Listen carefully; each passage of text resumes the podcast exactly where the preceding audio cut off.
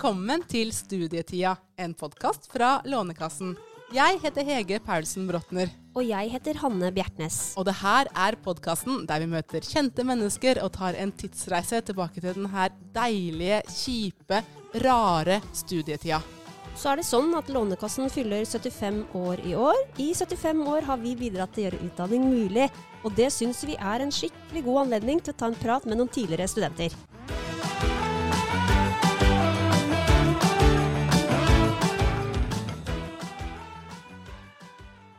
Hanne, i dag har vi hatt besøk av Eli Kari Gjengdal, som er kjent som eh, værmelder på TV 2. Ja, og der kom sola, for å si det sånn. Ah, For en utrolig koselig prat vi hadde med henne. Ja, Det var jo så spennende å høre om uh, tida i Bergen da hun studerte akvaingeniør. Mm. Og hun, hun fremstår jo som liksom bare, bare blid og bare glad, men hun fortalte jo også at det har vært ganske sånn tøffe, tøffe stunder i løpet av hennes eh, studietid. Ja, Og da var det noen her som fikk tårer i øya. Ja, vet du hva? Denne episoden her frambrakte både gåsehud og nesten eh, grining hos eh, oss to. La oss høre på episoden.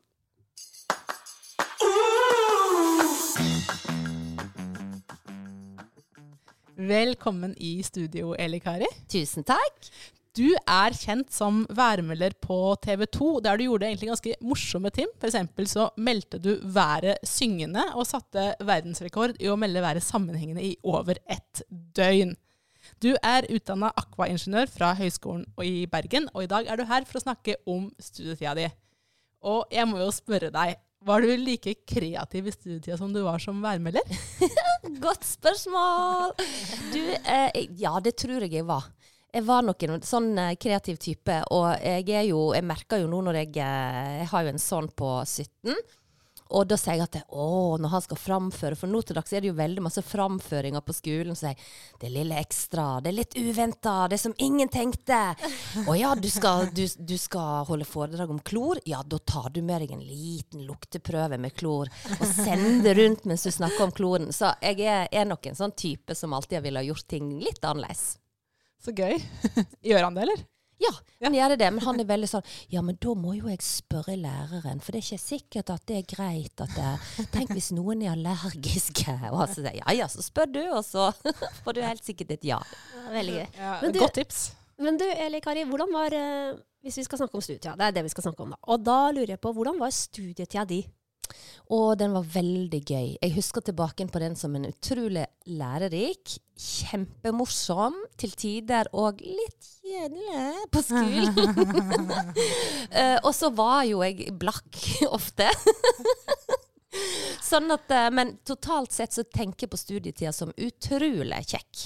Men var det sånn at du hele tida visste hva du skulle gjøre? Hva du skulle studere? Eh, nei, jeg visste jo ikke det. Eh, når jeg eh, gikk på gymnaset i Sogndal, så eh, hadde jeg egentlig en drøm om at jeg skulle bli tannlege. Det hadde jeg, det hadde veldig lyst til. Og det, det var sånn jeg hadde tenkt helt siden jeg gikk på ungdomsskolen. For jeg, jeg var jo så gal at jeg eh, spurte om utplasseringsplass da, eh, hos tannlegen i bygda. Som eh, den gangen var det jo amalgam og hysj og ikke noe bedøvelse. De aller fleste så på det som sin store skrekk. Men jeg eh, syns jo det var veldig spennende. Eh, men så begynte jeg på gymnaset, og så syns jeg matematikken ble veldig vanskelig. Um, sånn at jeg hadde rett og slett for dårlig karakter i matematikk for å komme inn på tannlegestudiet. Så derfor så ble ikke det det.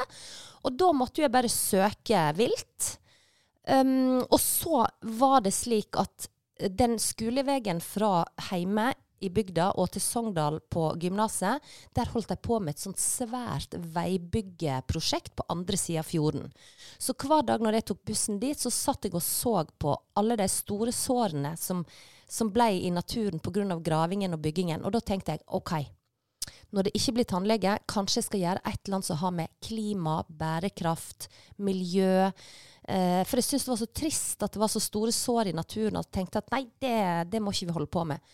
Eh, Så derfor endte jeg opp på Høgskolen i Bergen på akva og miljø, fordi at jeg hadde lyst å ha ei hovedoppgave på noe som hadde med bærekraft, klima og miljø å gjøre.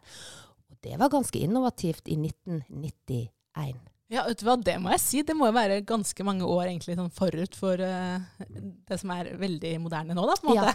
Og det har jeg snakka litt om uh, i tidligere intervju, for den gangen så var det kanskje bare jeg og to andre som brukte ordet bærekraft Mm. i, Norge. Mens nå er det sustainability og Ja. bærekraft all over the place. Mm. Så jeg føler at det ordet fant jeg nesten opp Ja, i kult. 1989 i 19, slash 1990. Vi var litt inne på når dette var selv. Og nå skal jeg si litt om hva vi var opptatt av på den tiden da du studerte. Mm.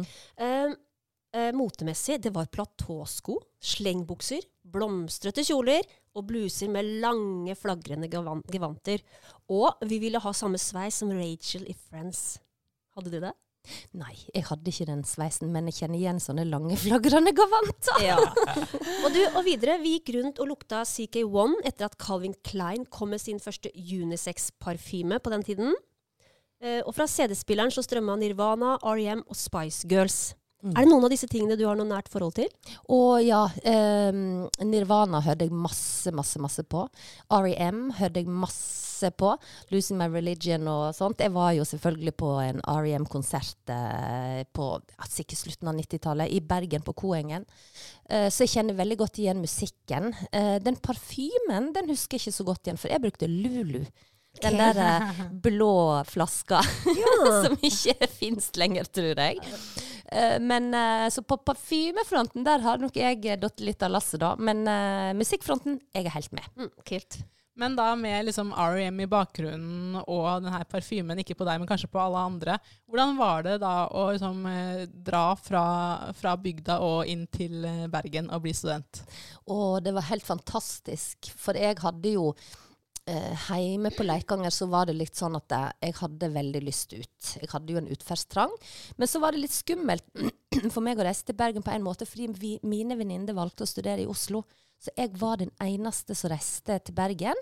Men det var nok litt fordi det var nærmere hjemme. Og så var det at jeg hadde ei storesøster som hadde studert der i ganske mange år allerede.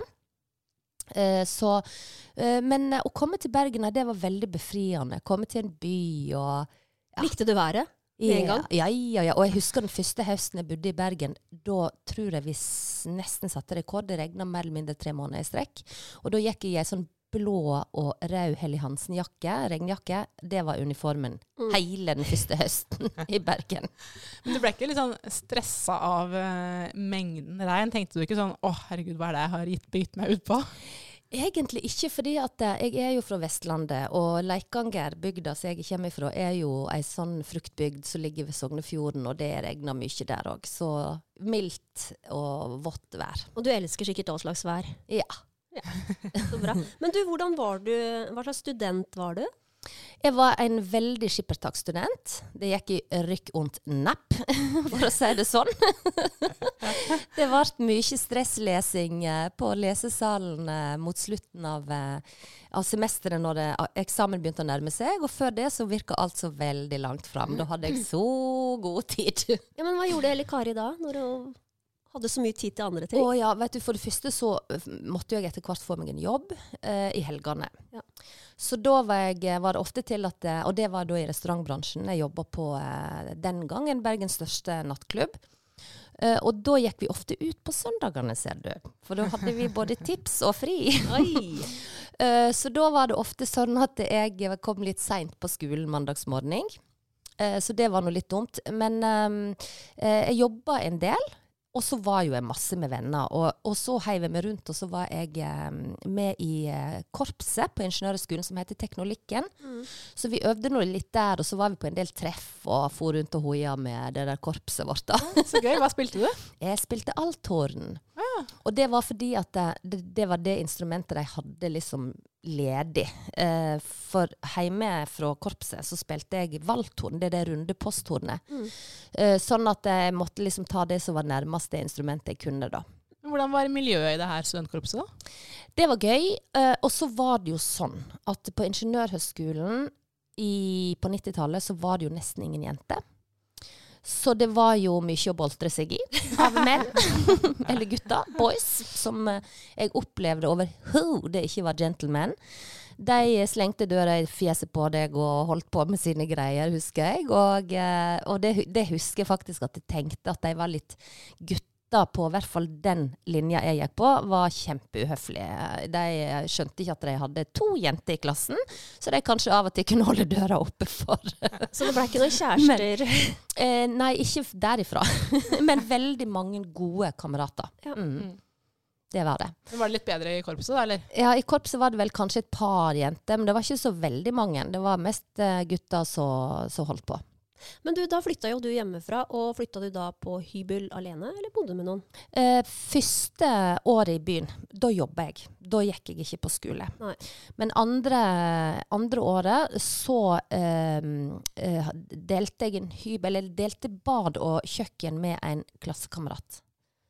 Og det var veldig gøy.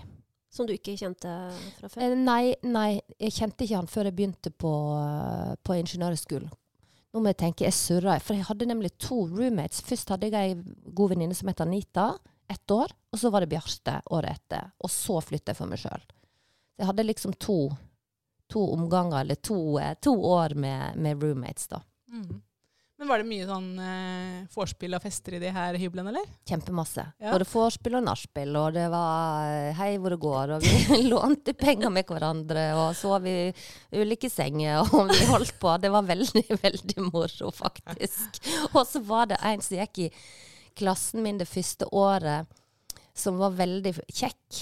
Og han prøvde jo å selge inn til alle venninnene mine, da. For dette. Ja, han er fremdeles veldig kjekk. Ja, Men du ville ikke ha han sjøl? Vi var bare venner. Ja. Ja.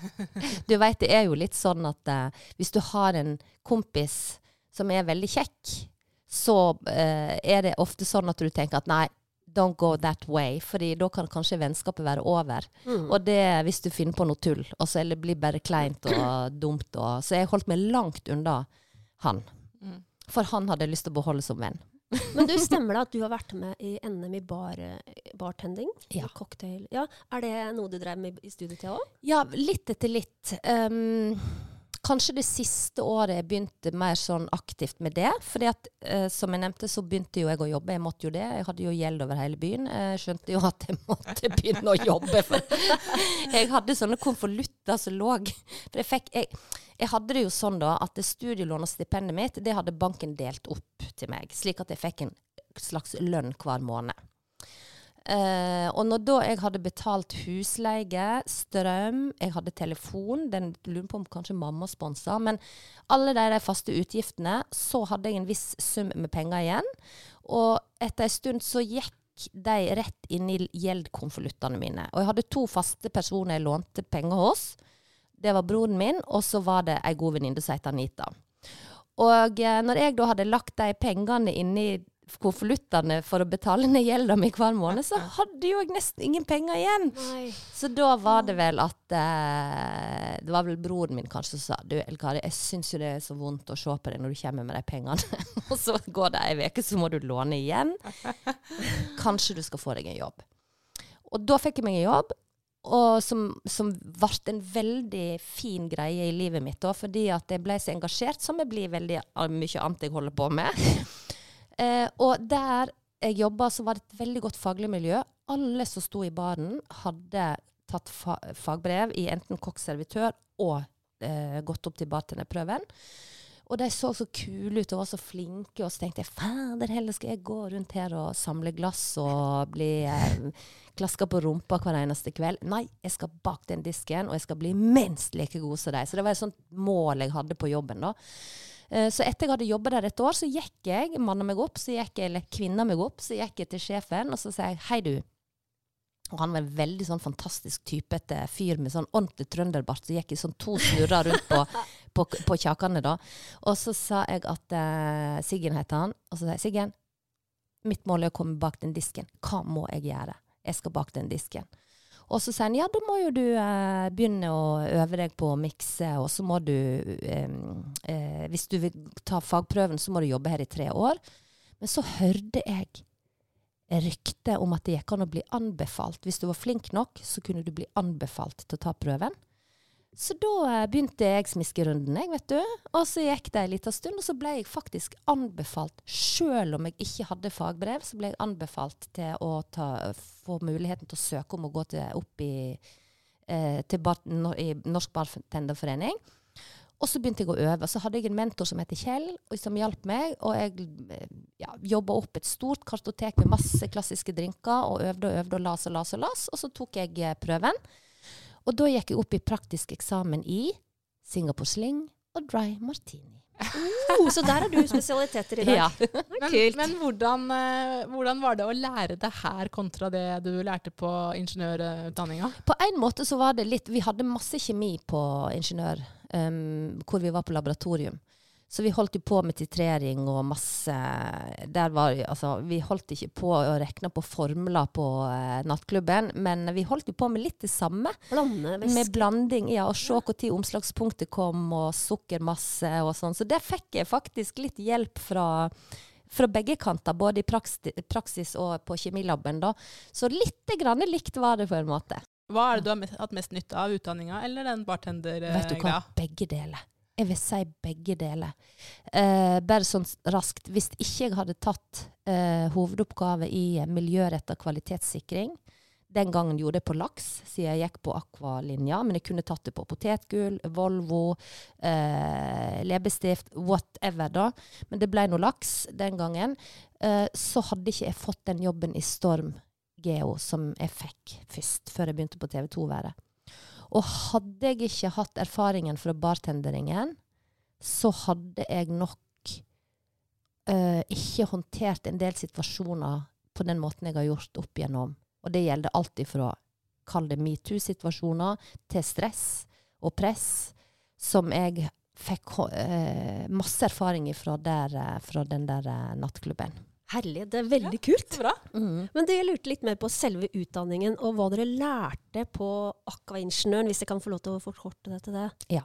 Eh, første året så var det jo veldig generelt, sånn som det er på de aller fleste eh, realfagsstudier.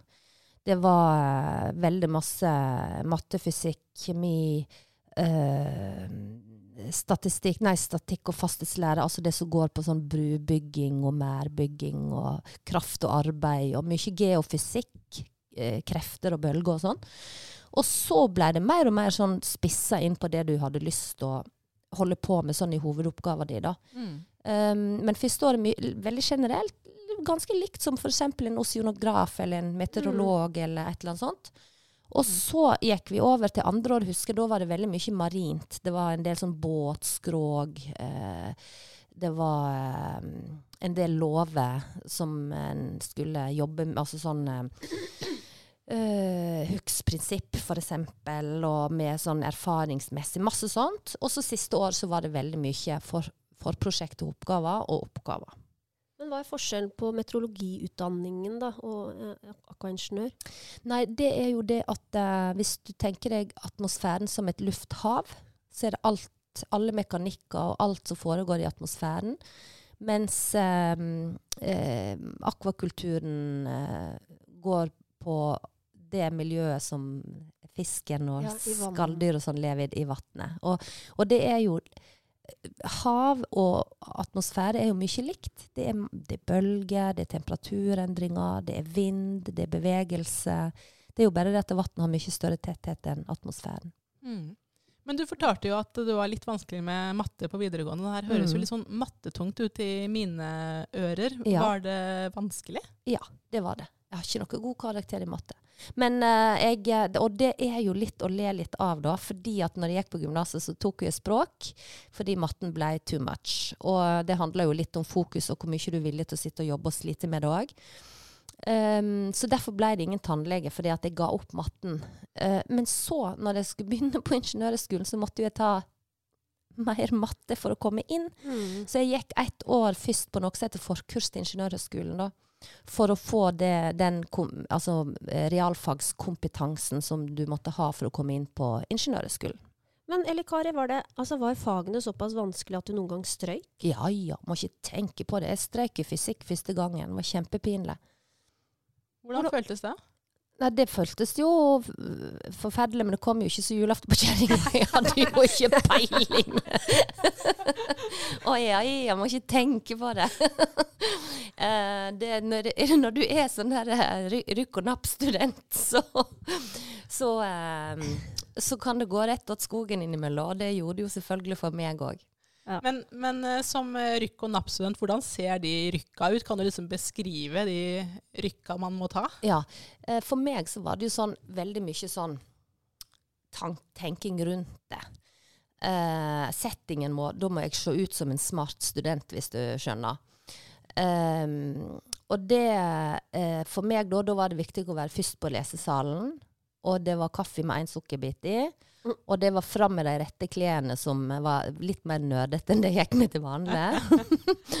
og tona ned sminken bitte litt. Og så, så det at det er veldig mye image ute og gikk da. Og så var det å begynne å lese, og så etter to sider så Nei, nei, dette går ikke. Ny kaffe, ja. Litt mer preiking. Og så bare Nei, nå Hæ, jeg er jo bare elleve! Men du, var det kamp for å få sitteplassene på lesesalen deres? dere? Hvis du kom seint. Ja. Ja, men hvis du var der tidlig, så gikk det bra.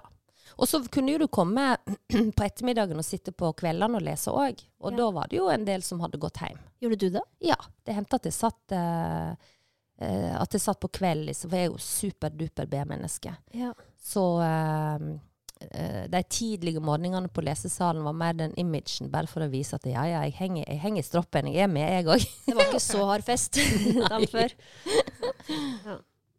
Men hva, hva husker du som det morsomste i studietida? Det var jo det sosiale. Um, vi hadde jo Teknolikken, som var kafeen som eh, ingeniørstudentene på den tida gikk på på min skole. Og så hadde vi uh, Teknikerkroen, som var et bomberom langt inne i et fjell, hvor inngangen er ifra fra Nordnesparken i Bergen. da. Og jeg har tenkt på det så mange ganger i ettertid, for nå bor jeg rett ved parken der, og jeg ser hvor bratt det er rett ned i fjorden. Og der for vi sjanglende hjem midt på svarte natta, og i regn og dårlig sikt, og skodde og alt som var. Så det er jo et guds under at det gikk bra. Per i dag så er jo ikke den godkjent til å ha noe som helst i. Men den gangen på 90-tallet så så var det sikkert litt mer lov, ting litt mer lov enn nå, da. Ikke så regulert, liksom. Um, så, så vi hang jo der. Der var vi masse på eh, konserter med sånne lokale studentband. Jeg husker et band som heter Radiofantomene, så vi var helt i, vist, i fistel når de kom og spilte. um, og det var sånn du vet, sånn happy hour hvor du kjørte Ja, ja. sånn lykkehjul, og vi hadde eh, oktoberfestival hvor Teknolikken selvfølgelig holdt på å si med meg i spissen, men det var det ikke. Jeg satt jo på tredje rekke der og spilte. Og så var jeg med faktisk i ei dramagruppe ei lita stund. Eh, og så gikk jeg rundt og laug om at jeg hadde tatt jaktprøven, bare for at gutta skulle synes jeg var litt kul. Men det var bare piss, selvfølgelig. Kom det noen sånn kontrollspørsmål, eller? Ja, de prøvde seg på både det ene og det andre. Men da skal det sies at jeg, eh, jeg er jo fra Nordfjord og er vant til folk som kommer hjem fra hjortejakt, så jeg hadde et par sånne greier som jeg visste foregikk og sånn, men eh, jeg har aldri tatt jaktprøven. Men det gikk jeg rundt og sa. Men det høres ut som du liksom, hva skal jeg si, tok litt for deg i studietida og liksom eh, forsynte deg både det faglige og det sosiale og alt, egentlig. Ja, jeg gjorde jo det. Jeg, ehm, jeg, trivdes veldig godt. Um, og jeg hadde veldig kjekke lærere. Tålmodige og kjekke lærere. Um, sånn at eh, Og det var noen fag jeg syntes var veldig kjekke. Og ja, jeg sitter her og bare snakker om at eh, alt var ræva, men jeg fikk faktisk toppkarakter på oppgaven min. Sånn at det er sagt. Ja, det, var no, det- det var noe som gikk bra, da. Bra. Ja. Men det, det må faktisk med i denne historien om studietida di. Men jeg lurer på, var det noe som du husker som vanskelig på denne tida? Um, ja, det er jo um, Nå i ettertid så tenker jeg at de årene med veldig dårlig råd har gitt meg en eh, eh, gitt meg en ballast som gjør at eh, jeg, eh, jeg veit hvordan det er å måtte spinke og spare. En eh, kunnskap og en viktig sånn livserfaring som jeg har med meg i ryggsekken, som alle burde ha. Å vite det at eh, det, du kan ikke kjøpe alt du har lyst på, og du må kanskje spare litt. Og du må ta eh, eh, kompromisse litt. Hvis jeg skal det, så kan jeg ikke det. Hvis jeg skal sånn, så kan jeg ikke sånn. Mm. Og så liksom lager jeg et budsjett og, og har litt kontroll, da. Um, og jeg tenker ikke tilbake på det som uff, stakkars meg. Jeg tenker bare åh, det gikk jo bra. Jeg hadde det fint. Jeg var mett hver dag. Jeg klarte å betale husleia mi. Jeg hadde jo gjeld som er både her og der, men som jeg alltid betalte tilbake. Selv om det svei litt eh, på pengepungen og sånn, da. Uh, så jeg tenker tilbake på det som Det var veldig vanskelig å stå i akkurat da, men i ettertid så var det veldig god erfaring. Jeg Mm. Eh, jeg er så glad for at jeg hadde, det, hadde den, eh, eh, den tida akkurat når det kom til det. Eh, og så var det jo klart at em, eh, det, å, det å være en veldig flyktig person em, og uh, super-B-menneske, det var vanskelig. Fordi at det, det krever jo at du sitter og leser. Eh, du skal levere. Eksamenspresset var jo stort når det begynte å nærme seg. De tingene der syns jeg var litt vanskelig, fordi jeg er ingen lesehest. Jeg er ikke eh, Som jeg bruker å si, det er ikke rart at jeg holder på med værmelding. Da trenger du å konsentrere deg i 2 minutter og 45 sekunder. Perfekt. Så, Det er veldig bra. ja. Du, Så det var litt vanskelig, syns jeg. men Eli Kari, jeg har lest at du slet med angst. Ja. Hvordan var det under studiene? Eh, det var eh, det var det første året som var verst. Fordi at det som jeg nevnte, jeg var, hadde jo ett år hvor jeg jobba først. Uh, når jeg bodde i Bergen. Og da hadde jeg det, da hadde det veldig tøft. Um, og det andre året så var fremdeles angsten der. Altså det, mitt første år som student så hadde jeg mye angst. Og uh, da fikk jeg jo veldig mye hjelp av søstera mi. Mm. Eh, men det var, det, det var vanskelig, fordi at, uh, at du Det var ikke sånn at jeg ikke gikk på skolen fordi at jeg var lamma av angst hjemme, men hadde uh, veldig masse Jeg strevde mye med meg sjøl hjemme. Sov ikke om natta. Var veldig mye redd. Det var en del ting som jeg unngikk fordi jeg visste det trigga angsten min. Som gjorde at jeg kunne gå lange omveier til skolen, eller ehm, det var en del ting så, som, som trigga, og det var veldig slitsomt å ligge hele natta og ikke klare å snu seg i senga fordi du, er, du, du har en, kall det en slags, slags panikkangst som gjør at ikke du klarer å bevege deg kroppen. Sånn at det syns jeg var vanskelig. Uh, men i, i forhold til studiene så, så følte jeg ikke at det, at det hadde noe å si for meg som student, og, og, og hvordan jeg var på skolen. Mm. Men, men tror du det er eh, hva skal jeg si, ekstra eh, vanskelig å ha det vanskelig i en tid der man skal ha det så fint? Ja. Ja, ja, det tror jeg. Og så tror jeg at eh, jeg, jeg hadde det jo Grunnen til at den angsten kom, var jo fordi jeg hadde prestasjonsangst. Mm. Jeg var eh, redd for at jeg ikke skulle klare meg. At jeg ikke skulle være flink nok. At jeg eh, Og det høres jo litt rart ut, fordi veldig mange er jo litt sånn flinke piker og, og, og toppkarakterkandidater som kanskje sliter med sånne tanker. Og det var ikke jeg, for jeg var jo superduper sosial og, og sånt. Men likevel så var det liksom sånn jeg, Kan jeg dette, da? Får jeg dette til? Jeg er jo ikke så flink. Jeg er jo eh, sånn, jeg er jo sånn. Jeg snakka meg sjøl veldig ned. Uh, fordi jeg følte at alle rundt meg var så flinke. Alle fikk det til. Strøk ikke på eksamen. Mm. Alle hadde, var liksom så flinke. Eh, og jeg er, er jo yngst. I, eh, jeg har en bror og ei søster. Kjempeflinke begge to. Jeg, er så stolt av dem, og jeg ser hva jobber og hva de utretter i dag. Eh, så sjukt flinke de er. Um, så, så blir jo jeg først og fremst veldig veldig stolt, og nå, nå har jeg ikke problemer med det. Men den gangen så var det litt sånn at jeg, at jeg kjente nok ekstra godt òg på den prestasjonsangsten, fordi disse to er mye De er veldig annerledes enn meg, da. Og har et helt annet fokus. Og jeg er jo bare en sånn tullkopp som rusker litt i håret når du går forbi. Følte jeg, da. Føler jeg det er litt ennå, men um, Jeg tipper de er veldig stolte av deg nå. jeg håper det. Men, men uh, du sa jo at det var liksom verst de første åra. Husker du liksom hva som gjorde at det, at det snudde? Um, det, jeg jeg ble jo innlagt på sykehuset på Lærdal.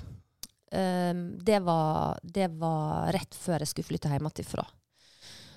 Og da fikk jo jeg vite at når det, når det skjer store endringer i livet ditt, eller du går inn i en ny epoke, f.eks. du flytter hjemmefra, du gifter deg, du blir mor eller far, store endringer i livet, så opplever ganske mange en slags angst i forbindelse med det.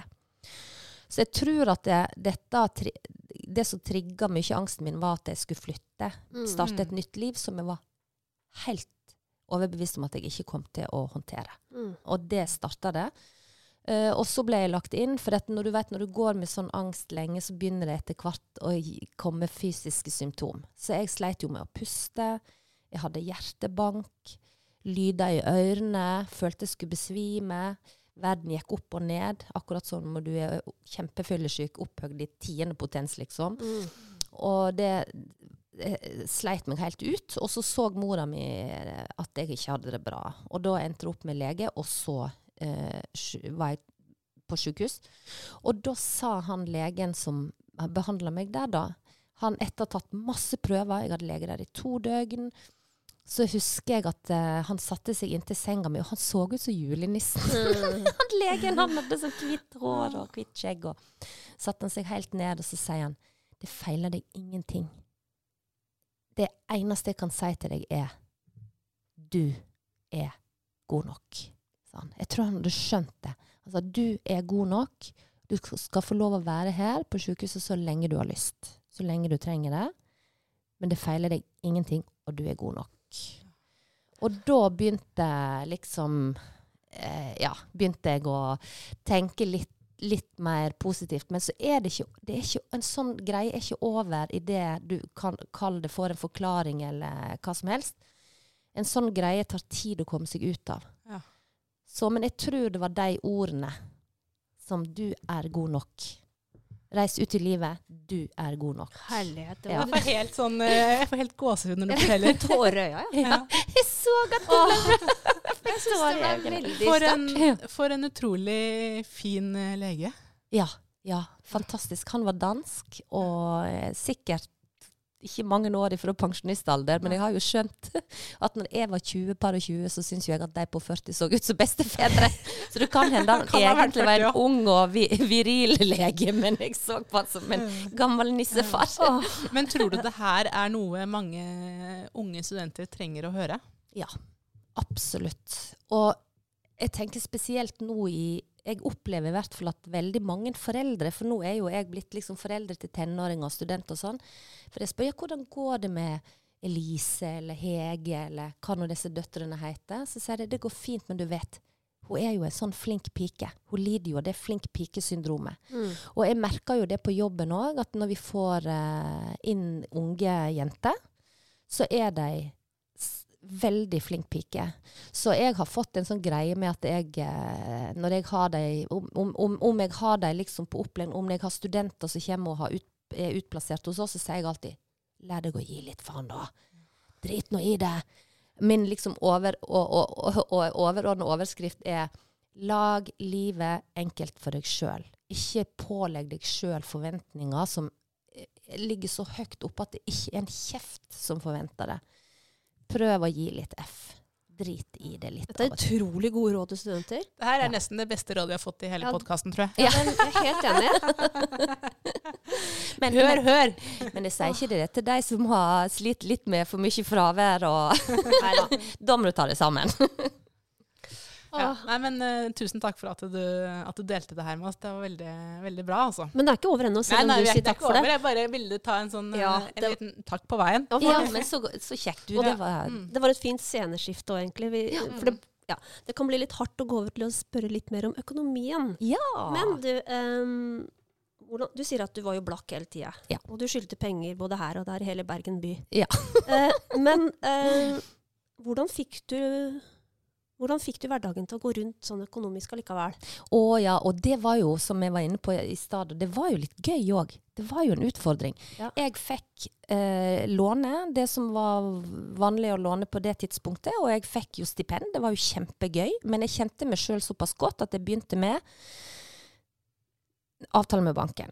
Um, få det ut som en lønn. Og jeg husker ikke om det var 4000 kroner i måneden eller hva suttan det var, det inkludert stipendet mitt. For det var ikke sånn 'Å nei, en må ikke gi meg stipendet med en gang'. Det, det, det er vekk i morgen tidlig. Du ringte Lånekassen og bare sånn Kunne dere Ja, bare spare? Ja, for når du studerte, så var det sånn at man fikk alle pengene egentlig i Du en fikk smell, ikke Alt inn Ja. på kontoen din Ja. i, en gang i semesteret. Ja. I dag har vi automatisert det så man får det faktisk månedsvis, da. oh, Ja. så smart. Å, gud. Kanskje Da hjelper vi, hjelper vi mange. Igjen var det meg som satte en trend. Ja. Nei da, jeg, eh, jeg fikk det rett og slett det rådet av søstera mi. Bare sett det inn, del det på antall måneder per semester, og så får du ut. eh, Så slipper du å liksom gå tom for penger. Mm. Eh, Så det var det jeg begynte med, og det, gikk, eh, det, var, det var jo kjempefint. Det var jo lønningsdag, vet du, og alt i orden. Eh, Men så balla det jo på som dette her, og det, det handla jo om Ikke for at jeg drev og handla så mye klær, kjøpte ikke så mye snop. eh, og hadde egentlig en sånn fin flyt i matgreiene mine. Um, og de faste utgiftene. Men så var det dette med å gå ut. Mm. Ha, kjøpe seg en sekk. Det var jo det vi gjorde en gang. Kjøpe en sekspakning med øl til vorspielet. sant? Mm. Det kosta jo mer enn jeg hadde i mitt budsjett, og da endte det opp med at jeg ofte lånte av broren min, for han var jo kjempeflink med pengene sine. Uh, og det gikk jo ikke bra. Det var jo derfor jeg måtte jo finansiere det å kunne gå ut og kjøpe meg noen, noen nye klær og litt sånn. Og det var derfor jeg fant meg en jobb. For hvis jeg hadde droppa og gjort sånne ting, Mm. så hadde jo jeg klart meg med studielån og stipendet. Ja. Men det var jo alt det gøye som jeg ikke hadde råd til, som Mm. gjorde at jeg måtte få meg en jobb.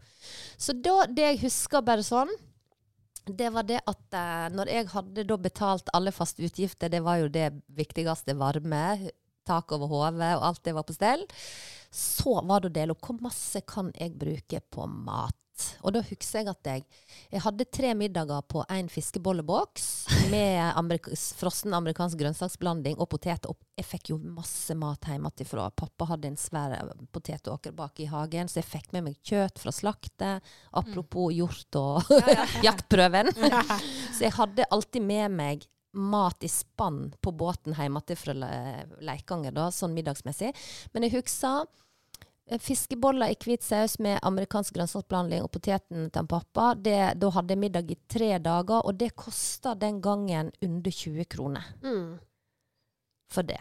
Mm. Sånn at eh, mat Jeg åt meg alltid mett. Jeg hadde gode middager, var glad i å lage mat. Eh, jeg hadde ett brød i ei uke, og, og, og det husker jeg det var eh, Hva var det det var det heter? og Det var eh, et eller annet sånn vikingbrød eller et eller annet sånt jeg hadde. Og da hadde jeg liksom niste og kveldsmat og på ei hel uke på det ene brødet, da. Så jeg hadde sånne faser. det husker jeg veldig, veldig godt. Det hva det hørtes skikkelig fornuftig ut. i Ja, jeg er enig.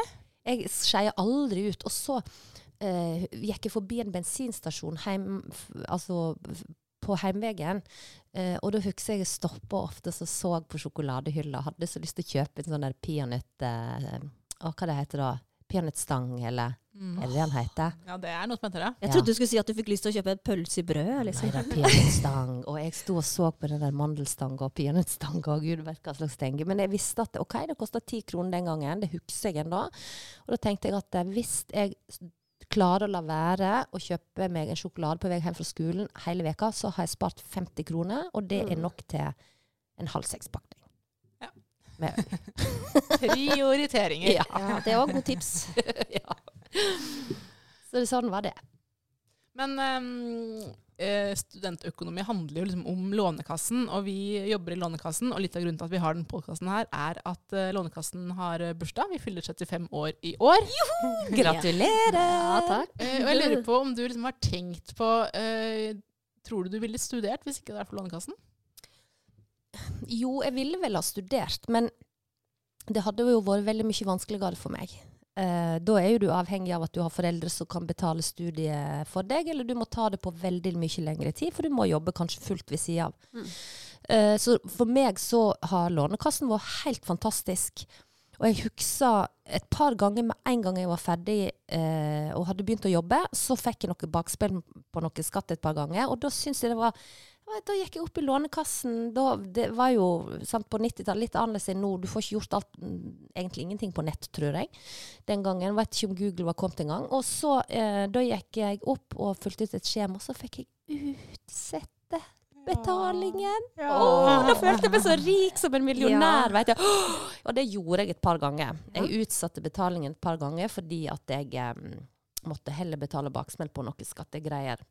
Mm. Sånn at eh, for meg har Lånekassen vært eh, veldig, veldig bra. Det har jo vært nøkkelen til å eh, å bli student på et, eh, i et tidsløp da, som gjør at du faktisk kan få det unna i løpet av eller, kortere tid enn om du måtte jobbe.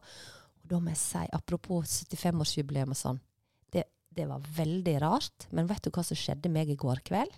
Nei. Jeg fikk en e-post fra Lånekassen som fortalte at jeg var, hadde nedbetalt lånet mitt i går. Nei! Og hva syns du om den e-posten? Den var helt fantastisk! Og så tenkte jeg, er det derfor de har invitert meg? Hadde jeg sett det? Hadde jeg sett det på, i papirene at jeg faktisk er gjeldfri? Har dere sett det? Nei. Jeg skulle til å spørre, er du kunde? Jeg fikk e-posten i går. Og da måtte jeg sende en snap til vennene mine fra studietida og sånn, da. Og andre sånne økonomer. Og så bare Jeg er 51 år, og endelig er jeg gjeldfri! Herligheten, Og så så fikk jeg tilbake inn fra ei venninne fra Sunnmøre som skrev ja ja, sunnmøringen var ferdig å betale det ned for lenge siden. for det går jo an. Men jeg har jo valgt Men du har jo vært Ja, ja. fornuftig. Det er jo det beste lånet å ha. Ja, jeg har jo valgt å betale minst mulig på lengst mulig tid. Mm. For jeg kan jo dø i morgen, tenkte Nei. jeg. Nei, jeg dør ikke i morgen. Men skjønner du litt tankegangen at det, For folk sier nei, det må du bare betale ned så fort som mulig, og så er du fri for det, så slipper du å tenke mer på det. Og det er nok sikkert det mest fornuftige. Mens jeg har tenkt å nei, jeg skal ha lengst mulig forhold til Lånekassen. Men det var altså over i går. Nå er det over. Hvordan, hvordan er det, da? Nei, det var veldig rart. Det var veldig rart. Um, at ikke det trekket Eller ikke, det var ikke trekk, da, men at jeg ikke skal betale inn og se den hver måned. Nå siste årene har det jo vært på VIPS. Mm. At jeg bare godkjente på VIPS, liksom. Men det, det, det, det, det er ferdig! Så gøy. Men du, da er det jo naturlig å spørre, er det noe du angra på i studietida di? Valg av utdanning? Eh, jeg angrer ikke på uh, at jeg eh, tok uh, og gikk på ingeniørskolen. Men det jeg angrer på, uh, er vel at jeg skulle nok ha vært litt mindre rykk og napp-student, og litt bare jevnt og trutt lesende student. Men da kan det hende du ikke hadde fått med alt det sosiale. Nei, da hadde jo jeg gått glipp av en del av alt det gøye og de gode minnene. Og, ja. og sant, det er riktig. En må jo vurdere det sånn, da. Det ene eller det andre, liksom. Men hvis du nå kunne gitt et uh, råd til 19 år gamle Eli Kari, hva kunne det vært? Å ja, eh, da hadde jeg sagt eh, slapp helt av, det går bra. Jeg tror det var det jeg ville sagt. Ordner seg. Ja. Men du, det her, eh, det her er jo utrolig koselig. Men uh, nå skal vi begynne å liksom gå, nærme oss avslutninga her. Og da pleier vi alltid å avslutte med tre faste spørsmål som du har ansvar for, Hanne. Mhm. eh, en bok som minner deg om studietida, eller en bok som har festa seg fra studietida. Bortsett ifra eh, den amerikanske fiskeboka. Fra andre klasse Nei da. Eh, eh, fiskeanatomi på amerikansk, eh, som er tjukkere enn Bibelen, det, det, det, jeg husker jo det, i hvert fall utseendet på den. Men den boka som jeg husker best, det er André Bjerke sin 'Dødeskjern'. Ja. Hva, hva er det som er bra med den, tenker du? Eh, For det første er jo det en veldig godt skrevet og veldig veldig spennende og, og, og skummel bok. Eh, men det handler om uh, håndteringen av den eh, prestasjonsangsten som jeg hadde. Eh, så derfor husker jeg den boka veldig godt igjen, og den la seg første året jeg var student. Og jeg har en sånn mini-miniatyrutgave, og den har jeg alltid med meg når jeg er ute og reiser. Oi, kult. Den er veldig søt. Uh, en sang fra studia? Ja, det er Vi var jo innom Nirvana og REM og alt det der, men Ja. den som jeg husker best igjen, som jeg spilte flest ganger, det var What's Up med Four Non Blondes. Ja, altså, den Eli Kari, vi må få en lita strofe. Ja. Um, Hei Nei, det var ikke hei, hei, hei, hei, hei, hei. I said hey, what's going on? Det er veldig bra. Kjempebra. Det var refrenget, vel å merke. også Veldig veldig 25 years when my life is still trying to get up that great big hill of hope Nå ble det for innmari god stemning. Skjønner du? Det er fantastisk. Ja, altså det siste, det siste Det siste vi, spørsmålet vi har, det er smaken av studia. Ja. Det er fiskeboller. Mm. Går det noe i fiskeboller nå, eller er det slutt på fiskeboller? Oh, nei, jeg elsker jo fiskeboller, så det, at, eh, det går helt fint med fiskeboller nå òg. Men det, det er enten så er det, det er i hvert fall hvit saus med mais og makaroni, eller hvit saus og fiskeboller og potet og amerikansk blanding. Det er det jeg tenker på når jeg Smaken av studietida. Herlig. Hva savner du aller mest på studietida?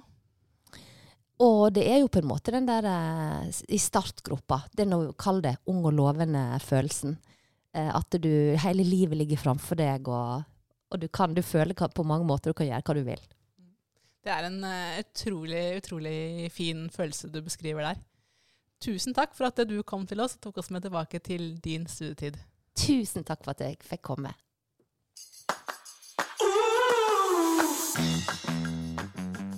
Du har hørt en podkast fra Lånekassen.